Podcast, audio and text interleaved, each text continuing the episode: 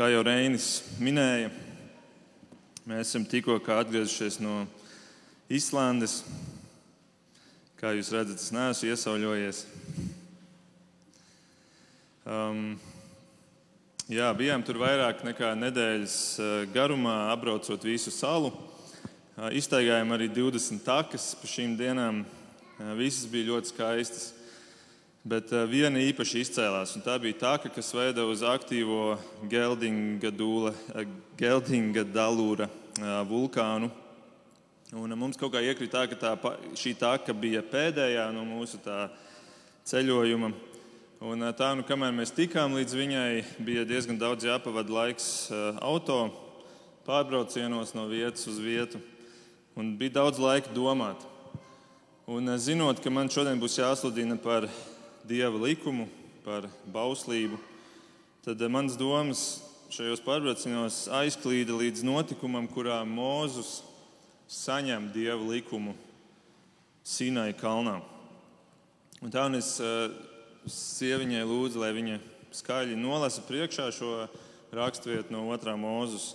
Viņa to arī izdarīja, un tas, ko es tur atkal no jauna dzirdēju, tik uh, spilgti arī sa savienojās ar to, ko mēs pēc tam redzējām tur pie šī vulkāna. To es pastāstīšu bišķiņ vēlāk, bet, bet tagad es vēlos izlasīt kopā ar jums šo, šo pašu raksturvietu, kuru mēs lasījām, braucot uz šo vietu. Un, un es negribu, ka jūs tagad šķirat viņu vaļā, bet vienkārši pasēžiet un ieklausieties. Un kamēr jūs to darat, mēģiniet ievērot, cik īpaši cik īpaši ir tie apstākļi, kuros Dievs cilvēcei nodod savu likumu. Otrā mūzes 19. nodaļa. Trešajā mēnesī pēc Izraēla bērnu iziešanas no Ēģiptes, tieši tajā dienā tie nonāca Sinai tūkstnesī. Un viņi devās ceļā no Refidīmas un nonāca Sinai tūkstnesī un apmetās tūkstnesī. Tur Izraels cēla nometni kalna pakājē. Bet Mūzes uzkāpa kalnā pie dieva. Un tas kungs viņam sauca no kalna un sacīja: Tā saka Jēkaba namam un pasludina Izraēla bērniem: Jūs esat redzējuši, ko es jums esmu darījis, ko es esmu darījis eģiptiešiem, un kā es jūs esmu nesis uz ērgļa spārniem, un esmu jūs pie sevis atvedis. Bet tagad, ja jūs uzklausīsiet manu balsi un turēsiet manu derību, tad jūs man būsiet par īpašumu visu tautu vidū, jo man pieder visa pasaule. Un jūs būsiet man par priesteru un ķēniņu valsti un par svētu tautu. Šos vārdus tev būs teikt Izraēla bērniem. Un Mūzus atgriezās un saicināja tautas vecājus un tiem cēla priekšā visus tos vārdus, ko tas kungs viņam bija pavēlējis. Un visa tauta kopā atbildēja un teica: Visu, ko tas kungs ir runājis, to mēs darīsim. Un Mūzus atnesa atpakaļ tautas vārdus tam kungam, un tas kungs sacīja uz Mūzu: Redzi, es nākšu pie tevis mākoņu sagā, tā ka tauta lai dzird mani sarunājamies ar tevi, un ka lai tic tev mūžīgi. Tad tas kungs sacīja uz mūzu: Ej pie ļaudīm un liec tiem šķīstieties šodien un rīt, un lai tie mazgā savas drēbes, ka tie ir gatavi trešajai dienai. Jo trešajā dienā tas kungs nonāks visas tautas acu priekšā uz Sinai kalnu un cel tautai visapkārt žogu un sāki sargieties uzkāpt kalnā un nepieskarieties kalna malai jo kas pieskarsies kalnam, tam mirdams būs jāmirst. Neviena roka, lai to neaizskar, jo tad tam būs tikt ar akmeņiem nomētātam vai ar bultām nošautam. Vai tas ir dzīvnieks vai cilvēks, tam nebūs palikt dzīvam. Bet, kad atskanēs tauris skaņa, tad viņi var kāpt kalnā. Un Mūzes nokāpa no kalna pie tautas un lika tai šķīstīties, un tie mazgāja savus drēbes. Un viņš sacīja tautai: Esiet sagatavojušies trešajai dienai, neaiztieciet savas sievas. Un notika trešajā dienā, kad ausa rīts, tad bija pērkons un zibeņi un biezs mākonis virs kalna. un varen stipra bazūnas skaņa, tik stipra, ka visa tauta, kas bija nometnē, izbijās. Un Mūzus izveda tautu ārā no nometnes dievam pretī, un tie nostājās kalna pakājē. Un viss Sinai kalns kūpēja, jo tas kungs nonāca uz to ugunī. Un tā dūmi cēlās augšup, itin kā cepļa dūmi, un viss kalns ļoti trīcēja. Un bazūnas skaņa pieņēmās spēkā, un Mūzus runāja, un Dievs tam atbildēja pērkonā. Un kad nu tas kungs nonāca uz Sinai kalnu, uz paša kalna virsotni, tad tas kungs sauca Mūzu uz kalna virsotni, un Mūzus kāpa augšup. Un tas kungs sacīja uz Mūzu: Nokāp un brīdini ļaudis, lai tie nelaužas cauri, lai redzētu to kungu, ka daudzi no viņiem nekrīt. Arī priesteri, kas tuvojas tam kungam, lai šķīstās, tā ka tas kungs tos nesatriec. Un Mūzes sacīja tam kungam: Tauta nevar kāpt augšā Sinai kalnā, jo tu mūs esi brīdinājis sacīdams: dariet ap kalnu sētu un turiet to svētu.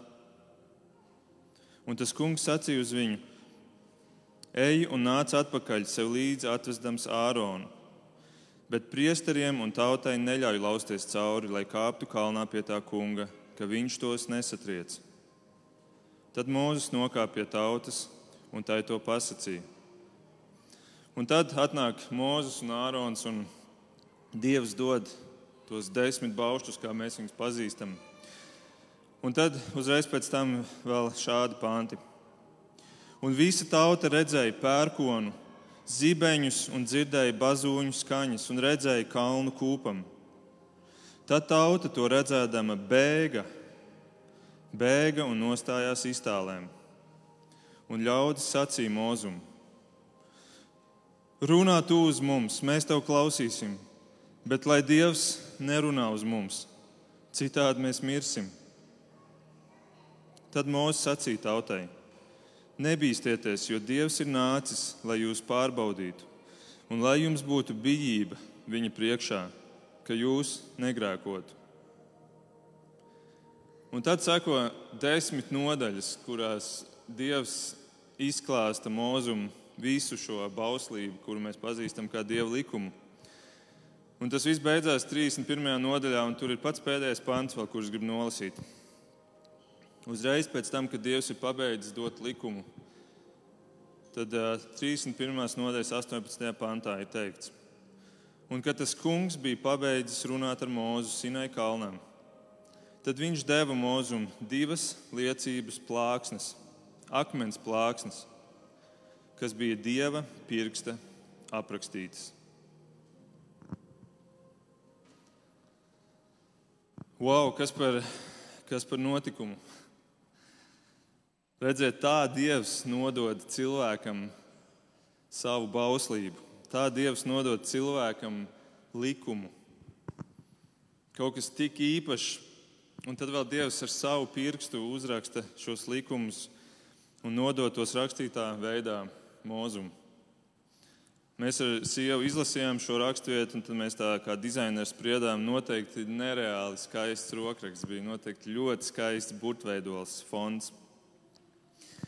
Bet redziet, dieva likums nav tikai kaut kāda teorija, kaut, kāda, kaut kādi melni burti uz balta papīra.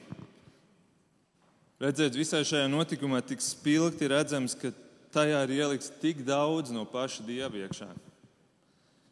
Viņa svētums, tur ir viņa tuvošanās cilvēkam, tur ir viņa mīlestība uz cilvēku, tur ir viņa dusmas pret grēku. Tur ir viņa derība, tur ir viņa apsolījumi, tur ir mākoņi, tur ir zibeņi, tur ir pērkons, tur ir vēji. Tur ir baisi skaļas skaņas. Tur zeme trīc, tur uguns šļācās ārā no kalna. Un tauta izbīstās, un tauta mūk. Cilvēki mūk prom no šīs vietas. Un es ticu, grēcinieki ierauga sevi liela svēta Dieva priekšā. Un, kad es šo lasu, man atkal no jauna pārņem bijība, liela bijība ne tikai pret pašu Dievu, pret lielo Dievu, bet pret Dieva likumu, pret Dieva bauslību.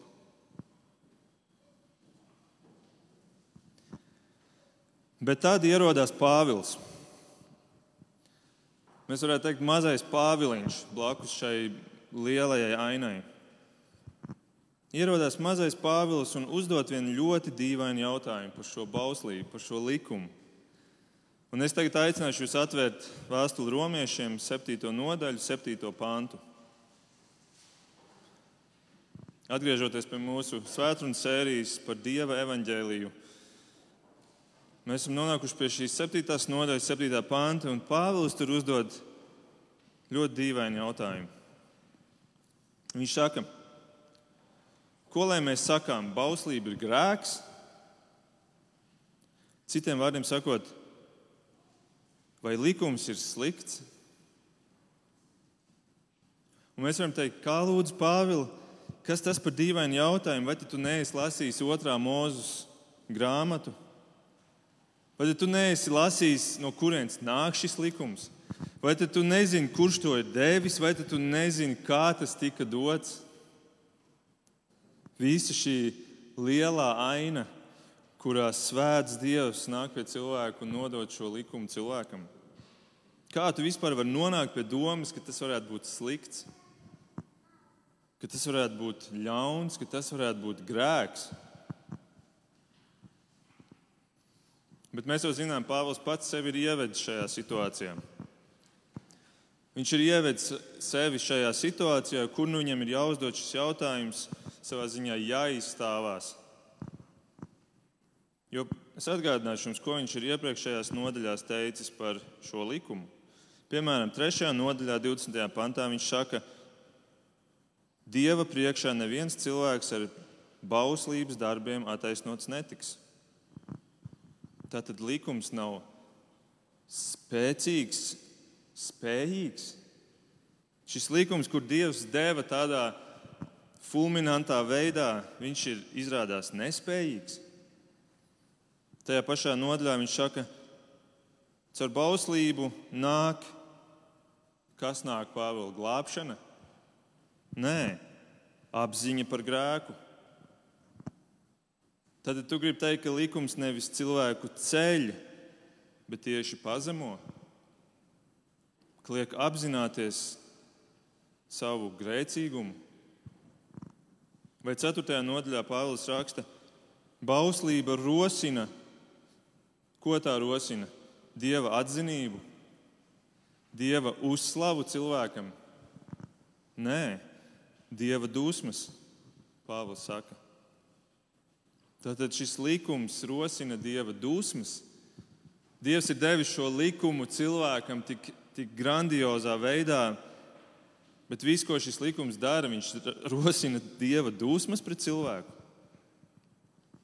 Vai piektajā nodaļā Pāvils rakstīja, bauslība ir nākusi klāt tā, ka vairojas, kas vairojas?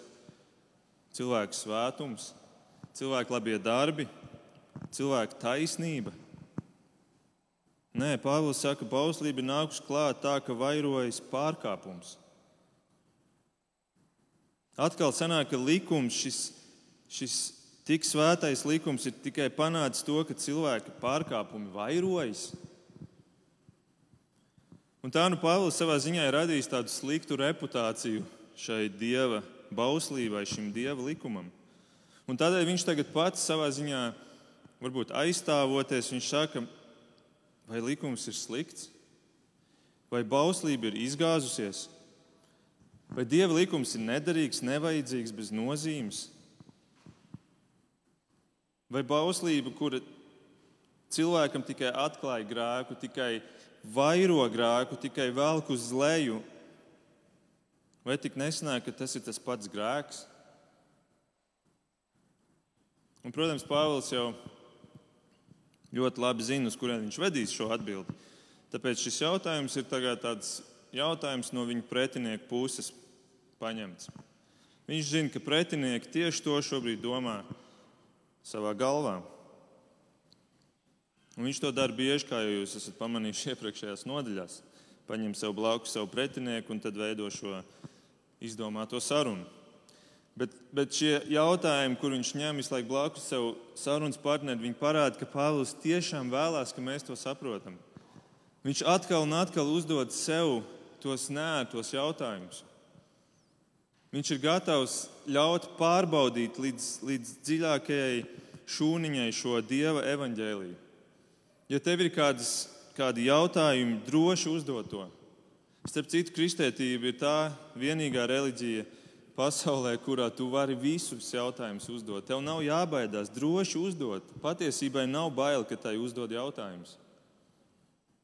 Mēs zinām daudz citas reliģijas, kur ir tabū tēmas, tikai neaizskar viņus, tikai neuzdod šos jautājumus. Kristietībā droši nāc, uzdod jautājumus. Pāvils rāda, ka noliec sev blakus sarunas partneri un ļauj viņam uzdot šos jautājumus. Tā nu, kā tur īsti ir ar to likumu? Vai tam ir joprojām kāda nozīme? Vai viņš ir slikts un viņam nav nozīmes, vai tomēr ir kaut kāda nozīme? Un es domāju, mums tas arī ir kā kristiešiem jautājums. Kāda tad ir šī nozīme šim dieva likumam? Es arī Šeit tad veidoju Instagramā tādus jautājumu atbildžu sesijas. Un, un šeit šis jautājums arī atskan. Tad kāda loma ir likumam mums, kristiešu dzīvē? Un tāpēc vēlos šodien atbildēt to divās daļās. Pirmā daļa būs no 7. līdz 11. pantam, un tad otrā daļa būs viens pāns beigās. Pirmā daļa - tātad, vai likumam ir joprojām kāda laba nozīme cilvēku un arī kristiešu dzīvē. Un pirmā atbilde ir attiecībā uz taisnošanu. Tā kā jūs dzirdēsiet otro atbildi, es domāju, tad tas vēl labāk saslēgsies kopā. Izlasīsim no 7. līdz 11. pantam. Ko lai mēs sakām? Bauslība ir grēks? Nē, taču. Bet citādi es grēku nevarētu iepazīt kā viens ar bauslību, jo es nebūtu iepazinis iekāru, ja bauslība nebūtu teikusi neiekāro bet grēks ar bausli guvis ieganstu manī rosināja dažādas iekāras, jo bez bauslības grēks ir nedzīvs. Bija laiks, kad es dzīvoju bez bauslības, bet tad bauslim atnākot, grēks atdzīvojās, un es nomiru. Tā nu tas pats bauslis, kas man bija dots uz dzīvību, izrādījās uz nāvi.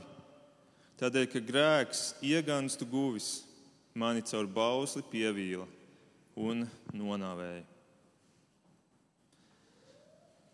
Tad mēs redzam, ka Pāvils uzreiz asi atbild, nē, likums nav slikts. Viņš saka, nē, taču, un, un latvieši to tā savā latviešu gaumē ir atbildējuši, iztulkojuši, bet patiesībā viņš ļoti asi saka, lai nekad, nekad nerodas tev tāda doma.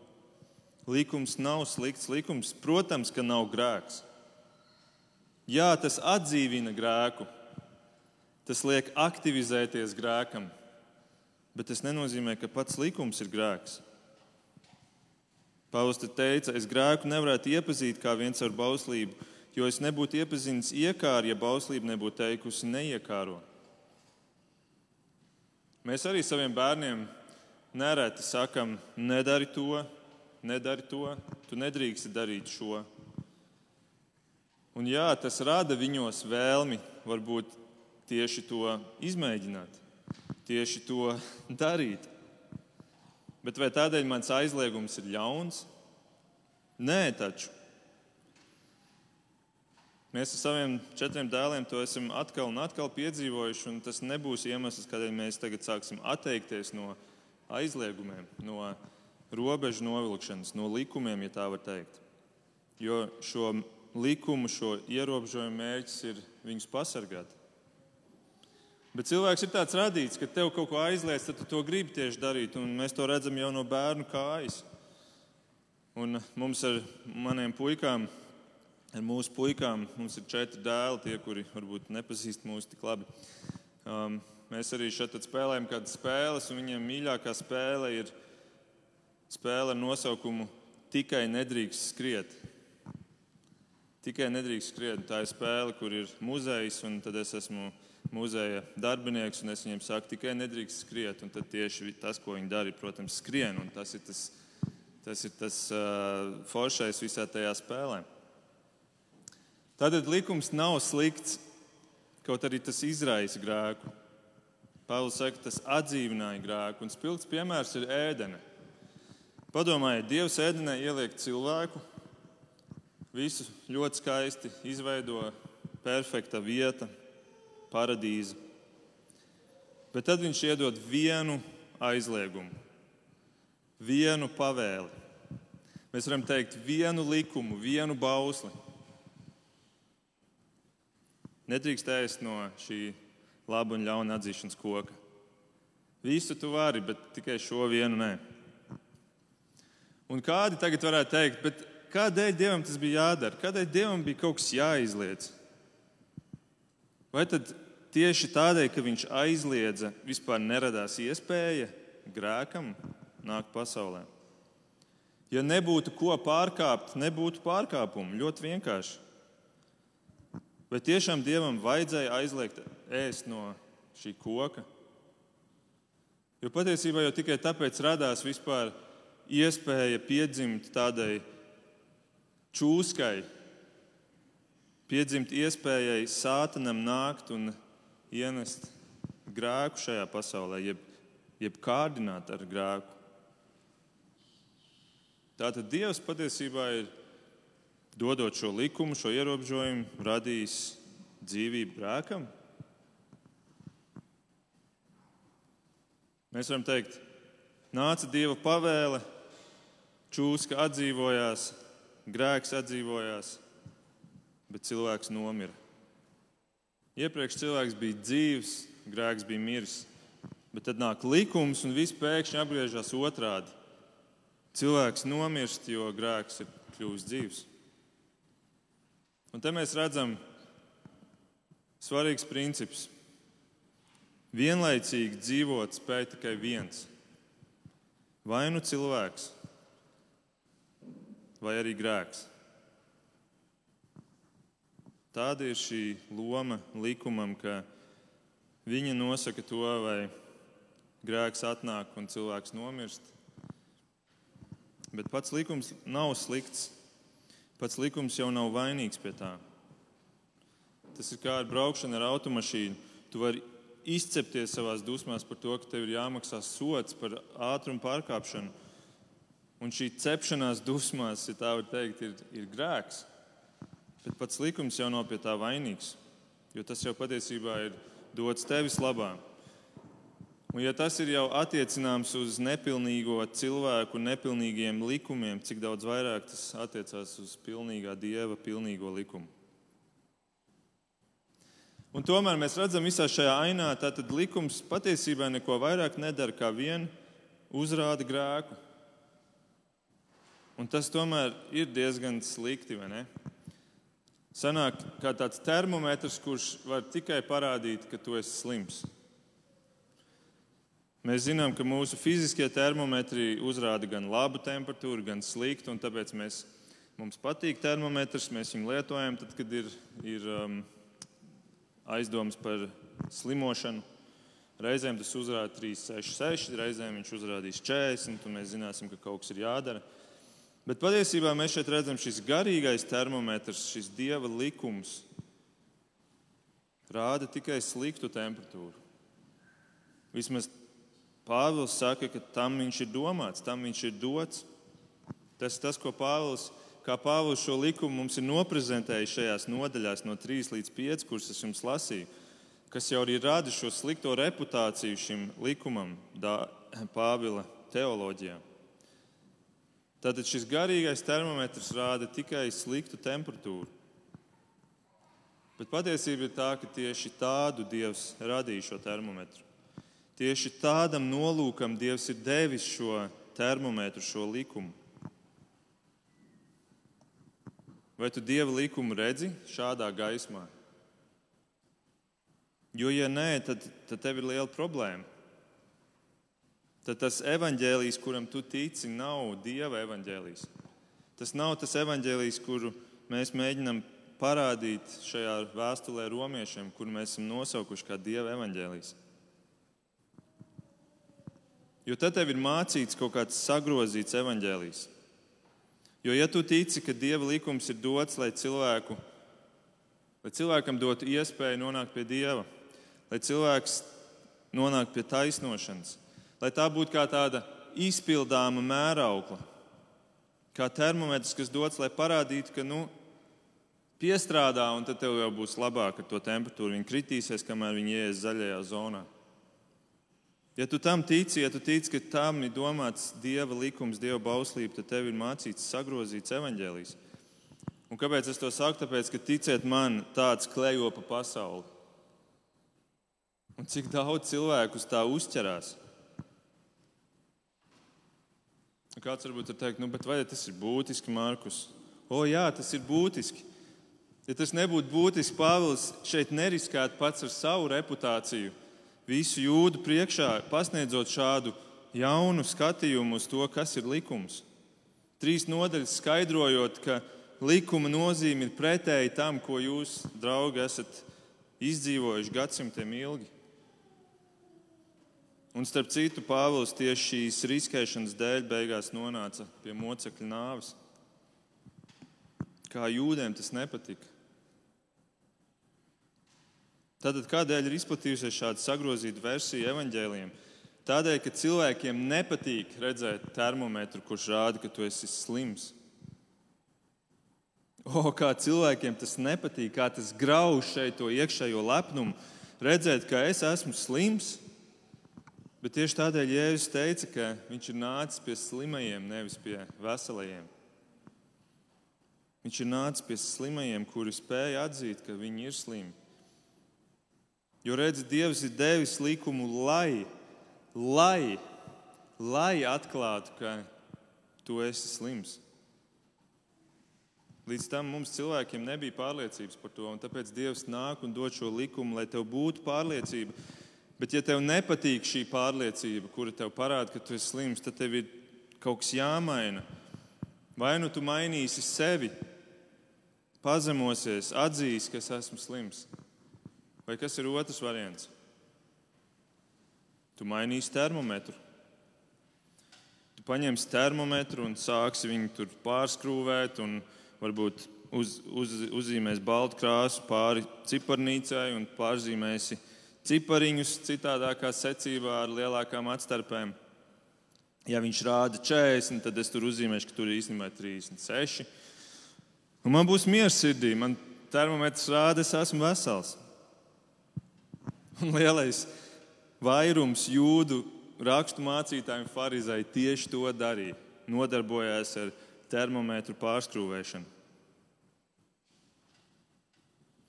Es klausījos vienu interviju ar vienu mūsdienu jūdu rabīnu, kurš izskaidroja iedzimtā grēka, tātad tā grēka, kas ir arī nācis pasaulē ēdienas dārzā, par kur mēs tikko runājām, iedzimtā grēka atšķirību jūdaismā un kristietībā.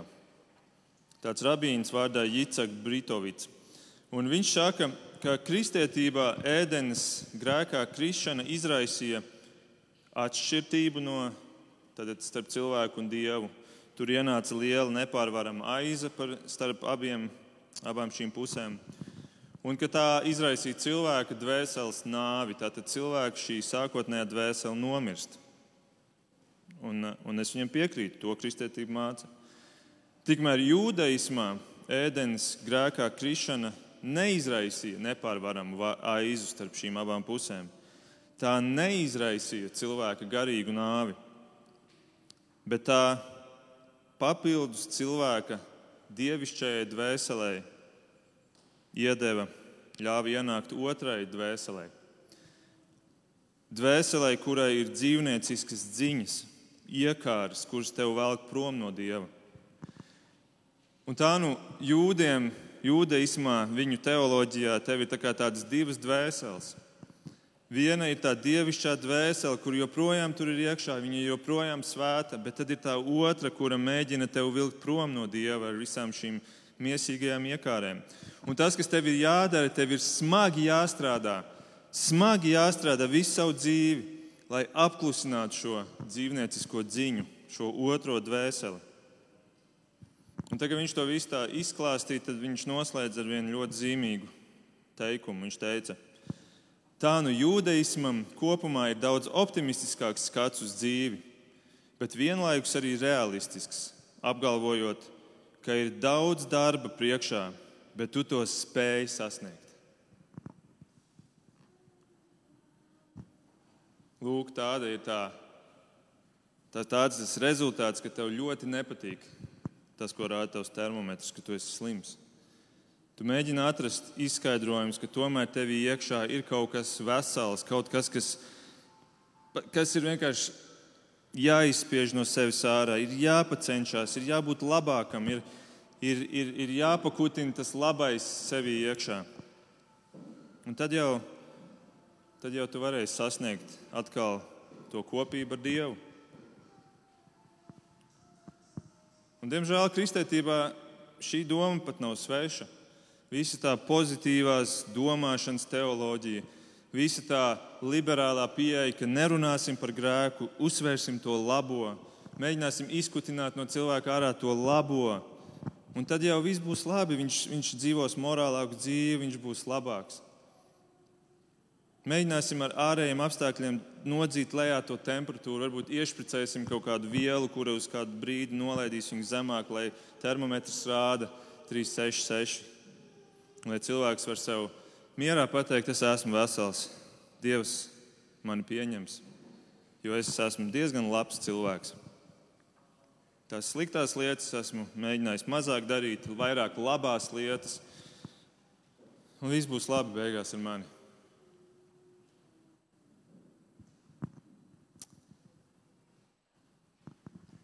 Ja tavs termometrs tiešām spēja parādīt 366, tad zini droši, tas ir viltots termometrs.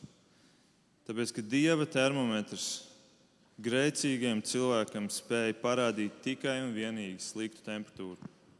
Tā ir vienīgā funkcija šim termometram. Tevī iekšā, tur dziļumā deg tas grēks, un tava temperatūra būs augsta. Un kaut kur dziļi tā zem tavas virskārtas viņa tur ir, un pienāks tā diena, kad viņa nāks ārā no tevis kā tāds vulkāns, kas iznīcinās visu, kas tam apkārt. Un lai Dievs dod, ka tā diena nepienāk pirms tavas nāves dienas. Tādēļ neslēp sevī to, to karsto grēku, savu paaugstināto temperatūru, bet atzīsti, ka tā tur ir. Spērģents ir teicis, atzīst savu vainu, vai arī paliec mūžīgi ar savu vainu. Un, ja tu atzīsti savu vainu, tad tu vari griezties pie Kristus, kurš kā vienīgais cilvēks ir izpildījis šo Dieva svēto likumu. Viņš kā vienīgais cilvēks ir vesels. Viņš kā vienīgais cilvēks paņem šo termometru un viņam rāda 366. Kādēļ? Tādēļ, ka viņš nav tikai cilvēks. Viņš ir arī Dievs. Un viņš ar savu simtprocentīgo likuma izpildi ir nogalinājis šo likumu. Jo tā kā grēks tagad ir miris Kristus upuru dēļ, tad likumam vairs nav spēka, pēkšņi vairs nav spēka. Un, ziniet, tagad ir labāk nekā bija ēdenē, jo ēdenē tur bija, jā, varbūt tikai viens, bet tur bija tas sasodītais likums, kurš noveda pie grēka. Bet tagad, caur Kristu, cilvēkam, kurš, kurš pazemībā nāk pie Kristus un piedzimst no augšas, viņam likuma vairs nav neviena. Nevienam likumam vairs nav spēka un varas pār viņu. Un tādēļ Pāvils šajā pašā nodaļā saka, tagad nomiruši bauslībā mēs esam atbrīvoti no tās. Mēs esam atbrīvoti no tās. Jēzus nomira grēkam, lai cilvēks atkal varētu būt dzīves. Viņš pagriež atpakaļ to, ko likums izdarīja. Viņš pagriež atpakaļ visu atkal kājām gaisā, pretējā virzienā. Tagad cilvēks ir atkal dzīves, un grēks ir atkal miris. Jo abi vienlaicīgi nevar būt dzīvi. Redziet, tā nu likumam vairs nav varas pār mūsu taisnošanu. Likumam vairs nav varas pār mūsu glābšanu. Likumam tādēļ arī vairs nav varas par mūsu glābšanas saglabāšanu. Mēs vairs nevaram pazaudēt to, ko Kristus mums ir devis. Tāpēc, ka likums ir miris, likums ir beigts. Lai mēs pazaudētu to, ko Kristus ar savām asinīm ir izpircis mums, likumam būtu atkal jāpieceļās no mirušajiem. Bet neviens to nespēja izdarīt kā vien Kristus. Un ja likums pieceltos no mirušajiem, lai mūs nosodītu atkal, tad Kristum būtu jāmirst. Un ticiet man, viņš to nedarīs. Viņš dzīvos mūžīgi. Nāvei nav varas pār Kristu, un tāpēc mūsu glābšana ir droša. Likums vairs nespēja atgriezties atpakaļ un izmainīt to taisnošanu, kur Kristus asinīs mēs esam saņēmuši. Likumam vairs nav nozīmes taisnošanas jautājumā. Bet vai tas nozīmē, ka tādēļ mēs, kā kristieši, varam tagad izmest miskastē dievu likumu? Mēs varam vienkārši pateikt, tam vairs nav nozīmes manā dzīvē. Viss es varu dzīvot, kā es gribu. Atbilde ir, taisnošanā nav nozīmes, bet tomēr kādā citā lietā ir nozīme. Un kas ir tā otra lieta? Tā ir nozīme svētapšanā. Svētapšanā tas ir tas otrais punkts. Tas būs daudz īsāks, neuztraucieties. Svētapšanā. Līkumam vairs nav nozīmes mūsu taisnošanā, bet līkumam ir milzīga nozīme mūsu svētapšanā. Izlasīsim 12. pāntu šodienas tekstā. Tātad bauslība ir svēta, un bauslis ir svēts, un taisns un labs. Tāds ir Pāvils secinājums pēc visu šī. Tātad bauslība ir svēta, un bauslis ir svēts, un taisns un labs. Pāvils saka, ka Dieva likums ir labs, ir svēts. Jā, mēs zinām, ka tas ir svēts. Mēs to lasījām otrā mūzes. Tur ārprāts, kas tur notika. Jā, viņš ir svēts, viņš ir nāk no svētā dieva, un Dievs visu šo nenormālo šovu veidoja, lai mēs zinām droši, ka tas ir kaut kas, kas nāk no dieva, kaut kas ļoti īpašs, kaut kas svēts. Bet tieši tādēļ, ka tas ir svēts, tas palīdz mūsu svētāpšanā. Ne tikai tas palīdz mūsu svētāpšanā, bet tas ir tas dzinulis mūsu svētāpšanā. Tas nāk no Dieva, kuram kā vienīgā īpašība trīs reizes ir izcelta svēts, svēts, svēts. Un tā, nu, redzēt, kristiešu dzīve sastāv no šiem diviem posmiem. Ir šī taisnošana, šī, mēs varam teikt, jaunā piedzimšana. Tas ir viens mirklis, tas ir viens moments. Tur notiek šī izmaiņa pretējā virzienā. Bet tad visa atlikusī dzīve uz zemes ir svētāpšanas process. Svētāpšanas, kurā mēs augam svētumā. Vai mēs, tas nozīmē, ka mēs neesam svēti? Nē, mēs esam svēti. Citādi mēs nevarētu tikt tuvoties Dievam. Mēs esam svēti darīti caur Kristu. Bet mēs dzīvojam savā miesā, nesvētajā miesā. Mēs augam svētumā, mēs augam līdzībā viņam, mēs augam, lai tuvotos viņam nevis tikai kaut kādā tādā nesaprotamā, mistiskā veidā, bet šis svētums palīdz mums ieraudzīt viņu labāk. Tas palīdz mums saprast lietas labāk. Tas palīdz mums ieraudzīt to, ko Dievs ir gribējis mūsu dzīvē. Tas ir tas, kas mums dos tās atbildes uz mūsu jautājumiem dzīvē. Šī svētāpšana ir tā vieta, kur mums, kristiešiem, likumam ir milzīga nozīme. Šis likums ir tavs vadlīnijas dzīvē, kurā tu augsi līdzībā Kristum, kurā tu audzēsi svētā gara augli sevī, kurā tu mācīsies kalpot cilvēkiem, kurā tu radīsi motivāciju mainīt savu dzīvi, kas varbūt taviem draugiem no malas liksies neprāts. Bet tu mainīsies, tāpēc ka tu vairs negribēsi dzīvot tikai sev, tā kā to dara mūsu modernais cilvēks šodien. Līkums būs tas, kurš tevī radīs to nemieru, ka tu darīsi lietas, kuras ir pretrunā ar Dievu gribu. Līkums būs tas, kurā tu ieraudzīsi tās ceļa zīmes tavos lielajos dzīves pagriezienos. Līkums būs tas, kurā tu saņemsi pārliecību, palikt pie nostājas, Kaut arī visa pasaule brēc pretēji tev. Kā mēs to redzam arī šodien, arvien vairāk, dažādos jautājumos sabiedrībā. To visu dara šis Dieva likums. Viņš ir labs, viņš ir svēts, viņš ir derīgs, viņš ir tik svarīgs, viņš ir tā degviela tavam garīgiem auto. Tā nu rezumējot, ko mēs šodien iemācījāmies, ka Dieva likumam vairs nav nozīmes par tavu taisnošanu. Tava taisnošana ir izpildīta, likums ir nokauts, Kristus ir dzīvs un tu esi dzīvs. Grēks ir miris, viņš vairs nespēja neko mainīt tavā mūžīgajā dzīvībā. Tu vari būt mierā, tu vari būt ar drošību, bez bailēm par tavu mūžīgo dzīvību. Un tomēr Dieva likumam ir izšķiroša nozīme tavā svētāpšanas procesā, tavā kristīgajā dzīvē, kuru tu dzīvo šodien. Tam ir izšķiroša nozīme. Tāpat nav tikai tāda, nu, ja tu gribi kristēt, ja tu gribi būt tāds labs kristēts, nu, tad mācies un, un mēģini.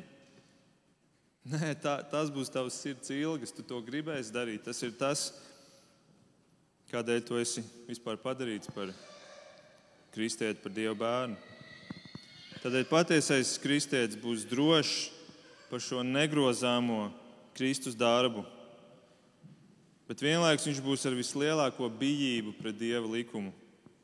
Mācīsies to, respektēs to, neapstrīdēs to apzināti. Varbūt savā, savā, savā gudrības trūkumā viņš to apstrīdēs, bet viņš mācīsies no tā un viņš mainīs savu viedokli. Un viņš priecāsies par to, ka šis likums izgaismo to dzīves ceļu. Un man te ir jautājums, vai tu ieraugi sevi šeit, šajā aprakstā? Vai es runāju par tevi? Nu, lūk, kad mēs beidzot bijām nonākuši pie, tā, pie tās pēdējās takas, Tad bija sacēlies ļoti liels vējš, un, un uh, bija brīdinājums zīmes, ka nevajag vispār iet tur, jo tur ir ļoti spēcīgs vējš un, un uh, slikti apstākļi uh, pārgājienam. Un, un tā, bet nu, mums tā bija pēdējā diena, un mēs ļoti gribējām redzēt to vulkānu. Un, kad mēs bijām nonākuši tā priekšā, tas bija tik varants. Tas bija neticams skats. Un, ziniet, un tas, kas manī kas man, par ko es brīnījos, ja kas mani uzrunāja arī tajā brīdī, bija, ka tur gāzi lietus, tur pūta vēji, bet nekas nespēja to, to vulkānu apturēt. Nekas nespēja tam patraucēt, nekas nespēja to izkustināt. Uguns turpināja sprāgt ārā, lava turpināja šļākties ārā no tā. Un, un, uh, bija tik liela tāda arī bijības sajūta pret šo dievu varano dabas parādību. Un man tad bija jādomā par to, kā Izraels jutās todien stāvot pie Sinai kalna. Kad viņus pārņēma tās bailes, redzot to kalnu dūmos, redzot to kalnu ugunī, redzot šo dieva vulkānu. Un, ja man jau bija tāda bijības sajūta, stāvot tur, cik daudz lielākai tai bija jābūt todien Izraēla tautai. Bet, ziniet, šodien tas dieva likums ir kā tāds vulkāns, kurš uz kuru mums vajadzētu skatīties, kā šo, šo, šo darbu, jeb šo rezultātu, šo produktu no tā notikuma, kas todien notika tur Sinai kalna pakājē, Sinai kalnā.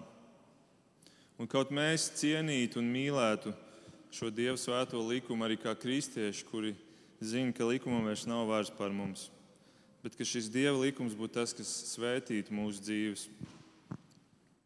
Lai Viņš to dara šodien ar tevi un mani. Lūksim Dievu. Debes Tēvs, paldies par šo skaisto vārdu, kur Tu mums esi devis, kurā mēs lasām par to, kā Tu esi šo pasauli radījis, kā Tu esi to glābis, kā Tu esi nācis pie cilvēka. Mēs tik maz saprotam Un tomēr tu esi mums uzticējis kādas lietas, saprast un ieraudzīt. Un, un es lūdzu, ka mēs arī būtu tie ļaudis, kuri panāk to mērķi, kura dēļ tu esi devis mums savu vārdu. Paldies, Kungs, ka mēs, kuri varam ticēt Tev, varam to darīt Tavā žēlastībā. Tas nav bijis tas labais mūsos, kas ir izkutināts ārā, lai mēs kļūtu labāki un esam sasnieguši šo stāvokli, bet mēs bijām miruši, mēs tikām darīti dzīvi, un tas ir Tavs darbs, Kristu. Lūdzu, dod, ka mēs mīlētu Tavu likumu, ka mēs arī teiktu kopā ar Pāvilu, jā, tas ir svēts, tas ir labs un tas ir mums vajadzīgs un ka tādā veidā tu varētu svētīt mūsu dzīves. Tādā veidā mēs varētu staigāt pa miera ceļiem, tādā veidā mēs varētu izdarīt pareizos lēmumus savā dzīvē, tādā veidā mēs varētu tevi pagodināt, un tādā veidā mēs varētu būt citiem cilvēkiem par lielu svētību. To mēs lūdzam Jēzus vārdā.